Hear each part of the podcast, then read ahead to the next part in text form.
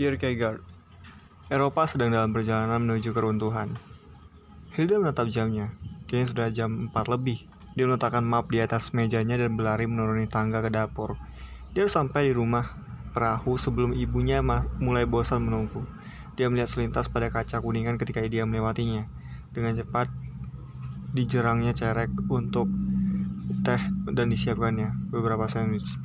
Dia telah memutuskan untuk memainkan semacam tipuan terhadap ayahnya. Hilda merasa semakin berpihak pada Sophie dan Alberto. Rencananya akan mulai akan dimulai ketika ayahnya tiba di Copenhagen. Dia turun ke rumah perahu dengan sebuah tampan besar. Inilah sarapan kedua kita katanya. Ibunya memegang sebuah balok yang dibungkus amplas. Dia mendorong segumpal rambut yang menutup keningnya ke belakang. Ada pasir pula di rambut itu. Kalau begitu kita batalkan saja makan malam.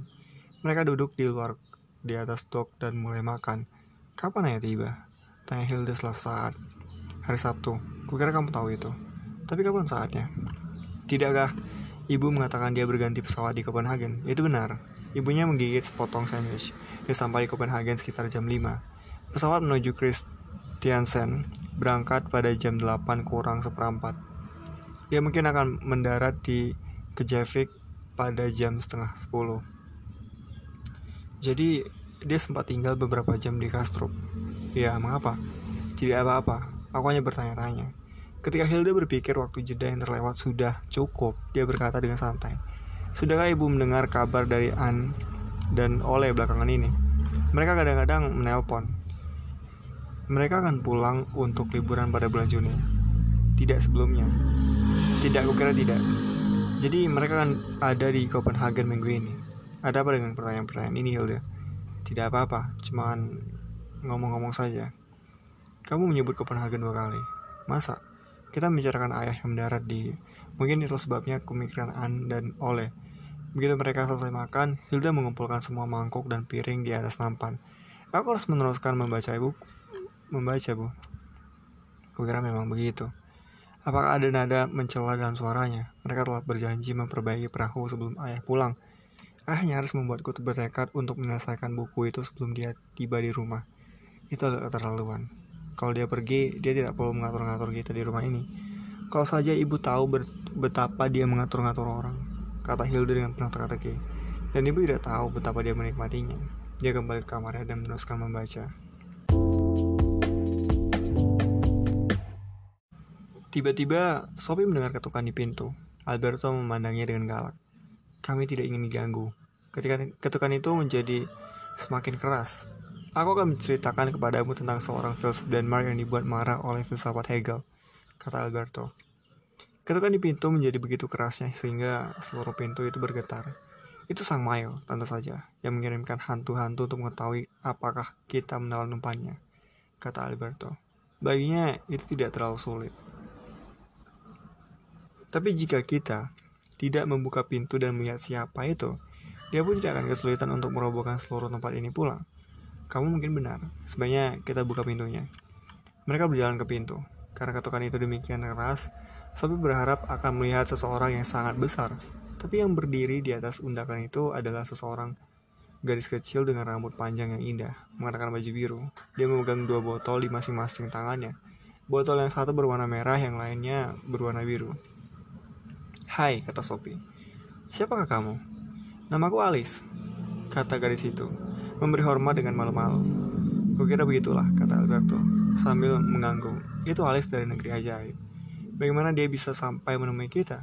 Alice menjelaskan, negeri ajaib adalah negeri yang sama sekali tidak ada batasnya. Itu berarti bahwa negeri ajaib ada di mana-mana. Agak mirip dengan PBB. yang mestinya menjadi anggota kehormatan PBB. Kita mestinya punya wakil-wakil di semua komite, sebab PBB juga didirikan akibat ketakjuban orang-orang. Hmm, mayor itu. Alberto memberenggut. Dan apa yang membawamu ke sini? Kata tanya Sophie.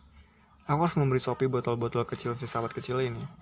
Dia menyerahkan botol-botol itu kepada Sophie. Ada cairan merah di satu botol dan biru di botol yang lain. Cap di botol merah itu berbunyi minum aku, dan pada botol biru minum aku juga. Saat berikutnya, seekor kelinci putih datang bergegas, melewati gubuk. Dia berjalan tegak di atas kedua kakinya, serta mengenakan rompi dan jaket.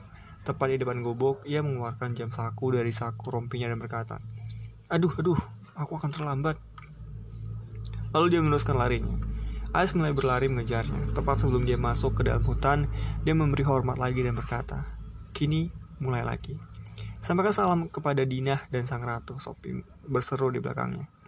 Alberto dan Sophie tetap berdiri di undakan di depan pintu, meliti botol-botol itu. Minum aku dan minum aku juga. Sophie membaca. Aku tidak tahu apakah aku berani. Ini mungkin beracun. Alberto hanya mengangkat, mengangkat bahu. Botol-botol itu berasal dari sang mayor dan semua yang berasal dari sang mayor itu hanya ada dalam pikiran. Jadi itu cuma sehari buah bohongan. Sophie melepaskan botol merah dan menempelkannya dengan waspada ke bibirnya. Sari buah itu terasa sangat manis sekali. Tapi itu belum semua. Ketika dia minum, sesuatu mulai terjadi di sekelilingnya. Rasanya seakan-akan danau dan hutan serta gubuk itu semuanya menyatu. Tak lama kemudian, tampaknya segala sesuatu yang dilihatnya menjadi satu orang dan satu orang itu adalah Sophie sendiri. Dia melihat sekilas ke Alberto, tapi dia pun tampaknya menjadi bagian dari jiwa Sophie. Aneh bin ajaib katanya. Semua kelihatan seperti sebelumnya, tapi kini semua jadi satu. Aku merasa seakan-akan semuanya menjadi satu pikiran.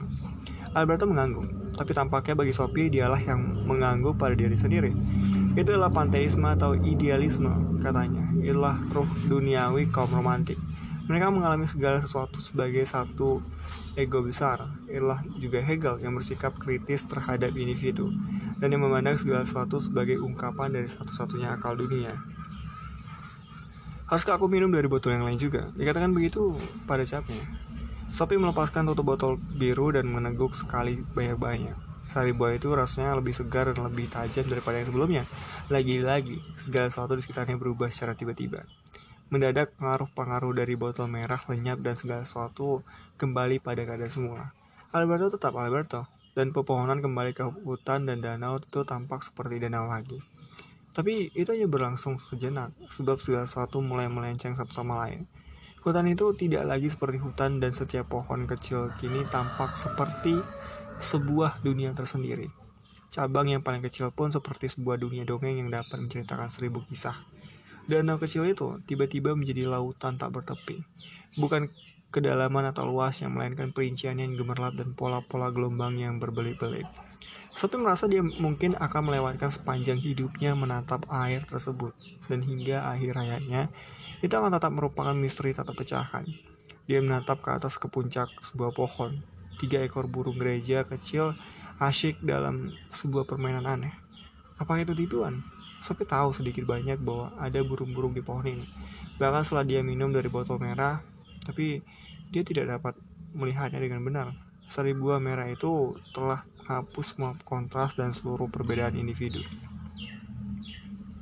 Sophie melompat turun dari undakan batu besar yang rata, tempat mereka berdiri dan membungkuk untuk melihat rumput. Di sana dia menemukan suatu dunia baru lagi, seperti seorang penyelam saat laut dalam yang membuka matanya di bawah air untuk pertama kalinya. Di antara cabang-cabang dan helai-helai rumput lumut itu penuh dengan perincian kecil-kecil. Sophie menatap seekor laba-laba yang berusaha berjalan di atas lumut, tegas dan yakin. Seekor kutu tanaman berwarna merah berlari naik turun di helaian rumput, dan segerombolan pasukan semut bekerja dalam suatu usaha bersama di rumput. Tapi masing-masing semut kecil itu menggerakkan kakinya dengan caranya sendiri-sendiri yang khas. Yang paling aneh dari semuanya, itu adalah pemandangan yang dilihatnya ketika dia berdiri lagi dan menatap Alberto. Yang masih berdiri di undakan pintu depan gubuk. Dalam diri Alberto, kini dia melihat seorang yang sangat mengagumkan. Dia seperti makhluk dari planet lain, atau tokoh yang tersihir dari sebuah dongeng. Pada saat yang sama, dia merasakan dirinya dengan cara yang sama sekali baru sebagai seorang individu yang unik. Dia lebih dari seorang manusia, seorang gadis 15 tahun. Dia adalah Sophia Amundsen, dan hanya dialah itu. Apa yang kamu lihat? Tanya Alberto. Aku melihat bahwa Anda seekor burung yang aneh. Kamu pikir begitu? Kukira aku tidak akan dapat mengerti seperti apa rasanya menjadi orang lain. Tidak ada dua orang yang sama di seluruh dunia ini. Dan hutan itu tidak sama sekali. Hutan itu seperti alam raya yang dengan cerita yang menakjubkan. Seperti yang sudah kuduga, botol biru itu adalah individualisme. Itulah misalnya reaksi Soren. Kierkegaard terhadap idealisme kaum romantik, tapi itu juga mempengaruhi seorang tokoh Denmark lain yang hidup pada masa yang sama dengan Kierkegaard. yaitu penulis dongeng terkenal Hans Christian Andersen. Dia mempunyai ketajaman mata yang sama untuk kekayaan perincian yang perincian alam yang luar biasa. Seorang filsuf yang melihat hal yang sama lebih dari seabad sebelumnya adalah Leibniz dari Jerman. Dia bereaksi terhadap filsafat idealistik Spinoza, sebagaimana Kierkegaard bereaksi terhadap Hegel. Aku dapat mendengar Anda, tapi Anda kedengaran sangat lucu sehingga aku ingin tertawa. Itu dapat dimengerti. Cobalah seteguk lagi dari botol merah. Ayolah, mari duduk di sini diundangkan. Kita akan bicarakan sedikit tentang Kierkegaard sebelum kita berhenti untuk hari ini. Sophie duduk di atas undakan di samping Alberto. Dia minum sedikit dari botol merah dan segala sesuatu mulai menyatu lagi. Sesungguhnya semua itu begitu menyatu. Sekali lagi dia mempunyai perasaan bahwa perbedaan tidak ada artinya lagi. Tapi dia hanya perlu menyentuhkan botol biru ke bibirnya lagi agar dunia di sekitarnya tampak kurang lebih sama dengan ketika Alice datang membawa dua botol tersebut. Tapi manakah yang benar? Kini dia bertanya, apakah botol merah atau botol biru yang memberikan gambaran yang benar? Dua-duanya yang merah dan yang biru Sopi. Kita tidak dapat mengatakan bahwa kaum romantik salah dengan pendapat mereka bahwa hanya ada satu realitas. Tapi mungkin mereka agak sedikit sempit dalam memandang segala sesuatu. Bagaimana dengan botol biru? Kukira Kierkegaard pasti telah meneguk banyak-banyak dari yang itu. Dia jelas mempunyai pandangan yang tajam bagi makna penting individu. Kita ini lebih dari sekedar anak-anak zaman. Dan selain itu, kita masing-masing adalah individu unik yang hanya hidup sekali. Dan Hegel tidak banyak membicarakan hal itu. Tidak, dia lebih tertarik pada jangkauan sejarah yang luas. Inilah yang membuat Kierkegaard marah. Dia beranggapan bahwa idealisme kaum romantik maupun historisisme Hegel telah mengaburkan tanggung jawab individu terhadap kehidupannya sendiri. Oleh karena itu, bagi Kierkegaard, Hegel dan kaum romantik mempunyai kesalahan yang sama. Aku dapat mengerti mengapa dia begitu marah. Soren Kierkegaard dilahirkan pada 1813 dan dididik dengan sangat keras oleh ayahnya. Melankolia keagamaannya merupakan warisan dari ayahnya ini. Kedengarannya tidak menyenangkan. Karena melankolia inilah, ia merasa wajib membatalkan pertunangannya, sesuatu yang dianggap tidak begitu baik oleh kalangan bourgeois Copenhagen. Bagaimanapun lambat laun dia berusaha untuk memberikan sesuatu sebagaimana yang diterimanya. Dan makin lama dia makin menjadi apa yang di kemudian hari digambarkan oleh Henrik Ibsen sebagai musuh masyarakat. Semua itu dikarenakan pertunangan yang batal. Tidak, bukan hanya karena itu. Menjelang akhir hayatnya, terutama, dia menjadi sangat kritis terhadap masyarakat. Seluruh Eropa sedang menuju kebangkrutan, katanya. Dia percaya bahwa dia hidup pada suatu zaman yang sama sekali tidak mengindahkan hasrat dan kesetiaan. Dia sangat marah pada kehambaan, kehambaran gereja Lutheran dan Mark yang telah mapan. Dia sangat keras mengkritik apa yang mungkin kamu sebut agama Kristen Minggu. Belakangan ini, kita membicarakan agama Kristen keyakinan. Kebanyakan anak-anak hanya merasa yakin karena hadiah-hadiah yang mereka dapatkan. Ya, kamu mengerti maksudnya. Bagi Kierkegaard, agama Kristen itu sekaligus luar biasa dan sangat irasional sehingga kemungkinannya hanyalah iya atau tidak. Tidaklah baik menjadi agak saleh atau saleh sampai tahap tertentu. Sebab Yesus itu benar-benar bangkit pada hari Paskah atau tidak sama sekali. Dan jika memang dia benar-benar bangkit dari hari kemat dari kematian, jika dia memang benar-benar mati, hal ini merupakan sesuatu yang luar biasa sehingga agama tersebut harus menyusup ke dalam seluruh kehidupan kita. Ya, aku kira kau mengerti. Tapi Kierkegaard melihat bagaimana gereja dan juga masyarakat pada umumnya melakukan pendekatan yang tidak disertai keyakinan pada masalah-masalah keagamaan. Bagi Kierkegaard, agama dan pengetahuan itu seperti api dan air. Tidak cukup bagi kita untuk percaya bahwa agama Kristen itu benar. Mempunyai keyakinan Kristiani berarti mengikuti jalan hidup Kristiani. Apa hubungannya ini dengan Hegel? Kamu benar, mungkin kita berangkat dari tempat yang salah, maka aku sarankan Anda mengulangi dan mulai dari awal lagi. Kierkegaard mulai mempelajari teologi ketika berusia 17 tahun, tapi dia justru semakin asik dengan pertanyaan-pertanyaan filosofis. Ketika dia berusia 27 tahun, dia mengambil gelar masternya dengan disertasi mengenai konsep ironi. Dalam karya ini, dia benar-benar bergelut dengan ironi romantik dan permainan kaum romantik yang terikat dengan ilusi. Dia menempatkan ironi Socrates sebagai lawannya, Meskipun Socrates telah memanfaatkan ironi, tujuannya adalah untuk mendapatkan kebenaran-kebenaran mendasar tentang kehidupan. Tidak seperti kaum romantik, Socrates adalah seperti apa yang disebut Kierkegaard sebagai pemikir eksistensial, yaitu seorang pemikir yang membawa seluruh eksistensinya ke dalam renungan filosofisnya. Jadi, setelah membatalkan pertunangan, pertunangannya pada 1814, Kierkegaard pergi ke Berlin, di mana dia menghadiri kuliah-kuliah Selim. Apakah dia bertemu dengan Hegel? Tidak. Hegel telah meninggal 10 tahun sebelumnya, tapi gagasan-gagasannya sangat berpengaruh di Berlin dan di banyak bagian Eropa. Sistemnya digunakan sebagai semacam penjelasan serbaguna untuk segala macam pertanyaan. Kierkegaard mengemukakan bahwa jenis kebenaran objektif yang menjadi keasyikan Hegelisme sama sekali tidak relevan dengan kehidupan pribadi seorang individu. Kalau gitu, jenis kebenaran mana yang relevan? Menurut Kierkegaard, yang penting bukannya mencari kebenaran dengan huruf K besar, tetapi menemukan jenis kebenaran-kebenaran yang memberikan makna bagi kehidupan individu. Yang lebih penting adalah menemukan kebenaran untukku.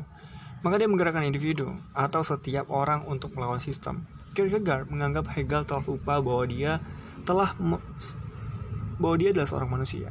Nilai yang tulisnya mengenai penganut Hegel, sementara sang profesor yang membosankan menjelaskan segenap misteri kehidupan.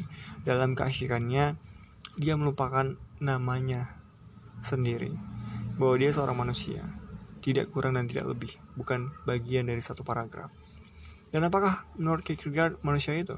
Tidak mungkin mengatakannya dalam pengertian umum. Suatu deskripsi luas mengenai hakikat manusia atau sosok manusia itu sama sekali tidak menarik bagi Kierkegaard. Satu-satunya hal yang penting adalah keberadaan manusia itu sendiri. Dan kamu tidak merasakan keberadaanmu sendiri di belakang meja. Hanya ada waktu kita bertindak. Dan terutama ketika kita menentukan pilihan-pilihan penting lah kita berhubungan dengan keberadaan kita sendiri. Ada cerita tentang Buddha yang dapat memberikan gambaran apa yang dimaksudkan Kierkegaard tentang Buddha. Iya, sebab filsafat Buddha juga mengambil keberadaan manusia sebagai titik tolak. Konon, ada seorang biarawan yang bertanya kepada Buddha kalau-kalau dia dapat memberikan jawaban yang lebih jelas terhadap pertanyaan mendasar, yaitu apakah dunia itu dan apakah manusia itu. Buddha menjawab dengan menyamakan si biarawan dengan seorang manusia yang terkena panah beracun. Orang yang terluka itu tidak pernah menaruh minat teoritis pada masalah terbuat dari bahan apa anak panah itu, jenis racun apa yang digunakan, atau dari arah mana ia datang. Dia terutama ingin ada seseorang yang dapat melepaskan anak panah itu dan merawat mukanya. Ya memang begitu. Itu secara eksistensial penting baginya. Baik Buddha maupun Kierkegaard mempunyai perasaan kuat mengenai keberadaan yang sangat singkat. Dan seperti yang tadi kukatakan, karenanya kamu tidak akan duduk di belakang meja dan membicarakan filsafat mengenai hakikat dunia. Tidak, tentu saja tidak. Kierkegaard juga mengatakan bahwa kebenaran itu subjektif. Dengan ini yang dimaksudkannya bukanlah bahwa yang kita pikirkan atau kita percaya itu tidak penting, tapi bahwa kebenaran-kebenaran yang benar, benar penting, itu bersifat pribadi.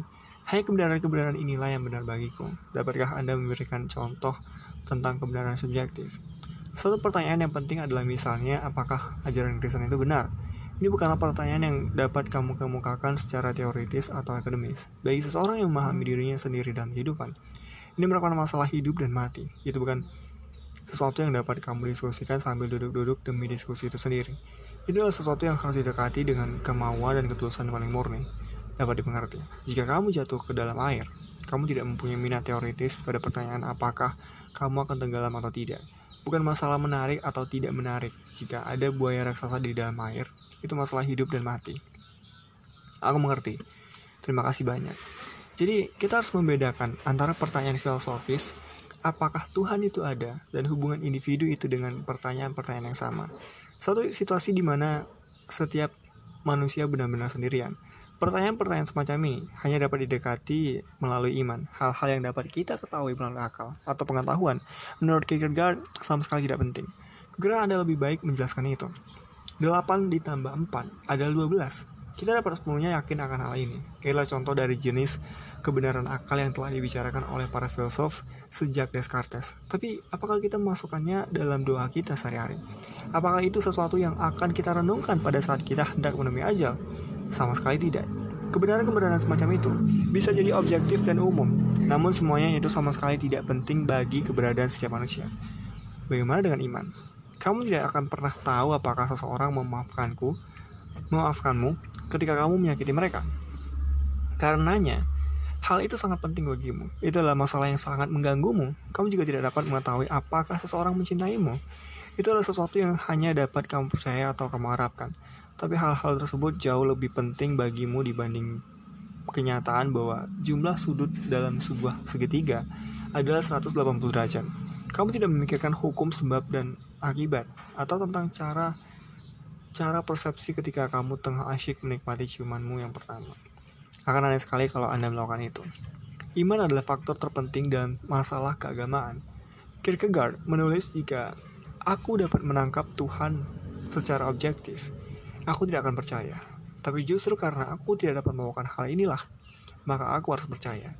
Jika aku ingin menjaga imanku, aku harus terus-menerus berpegang teguh pada ketidakpastian objektif agar imanku tetap lestari. Itu berat sekali.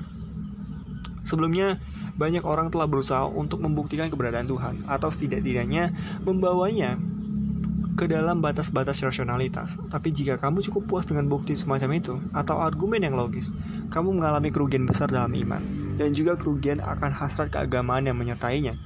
Sebab yang menjadi soal bukan apakah ajaran Kristen itu benar, melainkan apakah itu benar bagimu.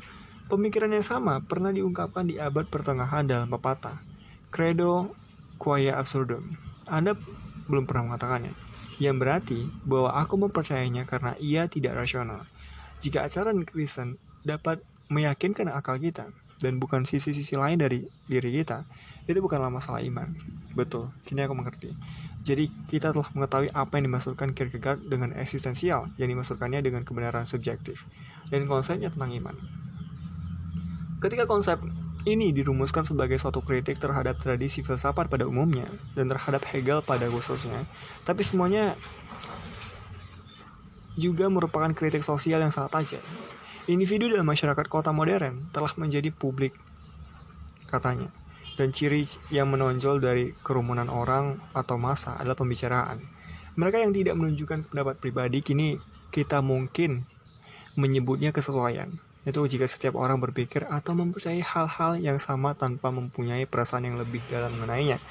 Aku jadi ingin tahu apa yang akan dikatakan oleh Kierkegaard sebagai orang tua Joanna.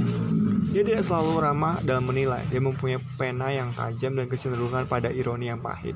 Misalnya, dia dapat mengatakan hal-hal seperti pendapat orang banyak adalah kebohongan, atau kebenaran hanya ada di pihak minoritas dan bahwa kebanyakan yang kebanyakan orang mempunyai pendekatan yang dangkal terhadap kehidupan. Mengumpulkan boneka Barbie saja boleh saja. Tapi menjadi boneka Barbie lebih buruk lagi. Itu membawa kita pada teori Kierkegaard tentang apa yang dinamakannya tiga tahap di jalan kehidupan. Apa? Kierkegaard percaya bahwa ada tiga bentuk kehidupan. Dia sendiri menggunakan istilah tahap yang menyebutnya tahap estetika, tahap etika, dan tahap religius. Dia menggunakan istilah tahap untuk menekankan bahwa orang dapat hidup pada satu atau dua tahap yang lebih rendah dan kemudian tiba-tiba melompat ke tahap yang lebih tinggi. Banyak orang hidup pada tahap yang sama sepanjang hidup mereka. Aku yakin ada penjelasannya nanti. Aku penasaran untuk mengetahui di tahap mana aku berada. Orang yang hidup pada tahap estetika, hidup untuk saat ini dan menangkap setiap kesempatan untuk menikmatinya. Yang dianggap baik adalah apa pun yang indah, memuaskan, atau menyenangkan. Orangnya hidup sepenuhnya di dunia indera dan menjadi budak nafsu dan perasaannya sendiri. Segala sesuatu yang membosankan itu segala sesuatu yang membosankan itu buruk. Ya, terima kasih. Kukira aku mengenal sikap itu. Oleh karena itu, penganut romantik adalah juga penganut estetika. Sebab mereka mengutamakan kenikmatan indriawi. Seseorang yang mempunyai pendekatan reflektif terhadap realitas atau dalam hal itu terhadap karya seninya atau filosofi yang diyakininya. Berarti dia hidup pada tahap estetika. Bahkan tidak kemung ada kemungkinan orang mempunyai sikap estetis atau reflektif terhadap kesedihan dan penderitaan. Dalam hal itu, ke kepongahan telah mengambil alih. Tokoh karya Ibsen, Bergen, adalah potret khas penganut estetika. Kira aku mengerti apa yang Anda maksud. Kenalkah kamu dengan orang seperti itu? Tidak sepenuhnya, tapi kira mungkin itu kedengarannya agak menyerupai sang mayor. Mungkin begitu. Mungkin begitu Sophie. Meskipun itu merupakan contoh lain ironi romantiknya yang agak memuakan, mestinya kamu hati-hati kalau berbicara. Apa? Baiklah, itu kan salahmu. Kalau gitu, teruskanlah. Seseorang yang hidup pada tahap estetika mudah mengalami ke kegelisahan atau ketakutan dan perasaan apa. Jika ini terjadi, ada juga harapan. Menurut Kierkegaard, kegelisahan itu nyaris positif. Itu adalah ungkapan dari kenyataan bahwa individu tersebut berada pada situasi eksistensial dan kini dapat memilih untuk membuat lompatan besar menuju tahap yang lebih tinggi. Tapi itu bisa terjadi dan bisa pula tidak. Tergunanya berada dalam keadaan nyaris melompat jika kamu tidak benar-benar melakukannya. Itu adalah masalah iya atau tidak. Tapi tidak ada orang lain yang akan melakukannya untukmu. Itu adalah pilihanmu sendiri. Itu seperti memutuskan untuk berhenti minum minum minuman keras atau kecanduan obat. Ya, bisa jadi seperti itu. Gambar Kierkegaard mengenai kategori keputusan ini dapat sedikit mengingatkan kita akan pandangan Socrates bahwa seluruh wawasan yang benar berasal dari dalam. Pilihan yang menuntun seseorang untuk melompat dari pendekatan estetika menuju pendekatan etika atau religius harus datang dari dalam. Ibsen melukiskan hal ini dalam Peer Gynt, penggambaran elok lainnya tentang bagaimana pilihan eksistensial melompat dari kebutuhan batin dan keputusasaan dapat ditemukan dalam novel besar karya Dostoevsky, Kejahatan dan Hukuman, Crime and Punishment. Hal terbaik yang dapat kamu lakukan adalah memilih suatu bentuk kehidupan yang berbeda. Dan karenanya kamu mungkin akan mulai hidup pada tahap etika. Ini dicirikan dengan kesungguhan dan pemantapan dalam bertindak menyangkut pilihan-pilihan moral. Pendekatan ini bukannya tidak sama dengan etika kewajiban kan. Kamu berusaha untuk hidup sesuai dengan hukum moral. Kierkegaard, sebagaimana kan, menaruh perhatian pertama-tama dan terutama pada temperamen manusia.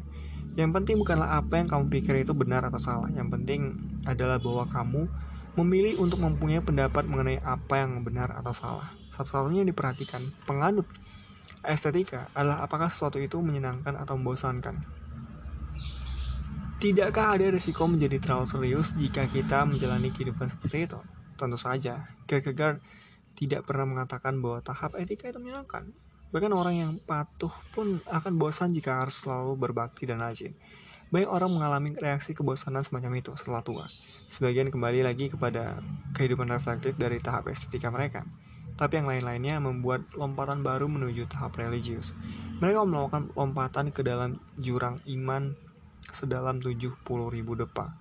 Mereka memilih iman daripada kenikmatan estetika dan seruan lokal, keseruan akal. Dan meskipun mungkin mengirikan untuk melompat ke dalam rengkuhan tangan Tuhan yang hidup. Sebagaimana Kierkegaard mengemukakannya, itu satu-satunya jalan menuju pengampunan. Ajaran Kristen maksud Anda. Ya, sebab bagi Kierkegaard, tahap religius itu berarti ajaran Kristen, tapi dia juga berpengaruh terhadap para ahli pikiran Kristen. Eksistensialisme yang diilhami oleh filsuf Denmark itu berkembang luas pada abad ke-20. Sophie menatap sekilas ke jamnya. Kini sudah hampir jam 7. Aku segera pulang. Ibuku bisa marah. Dia melambai pada sang filsuf dan lari menuju perahu.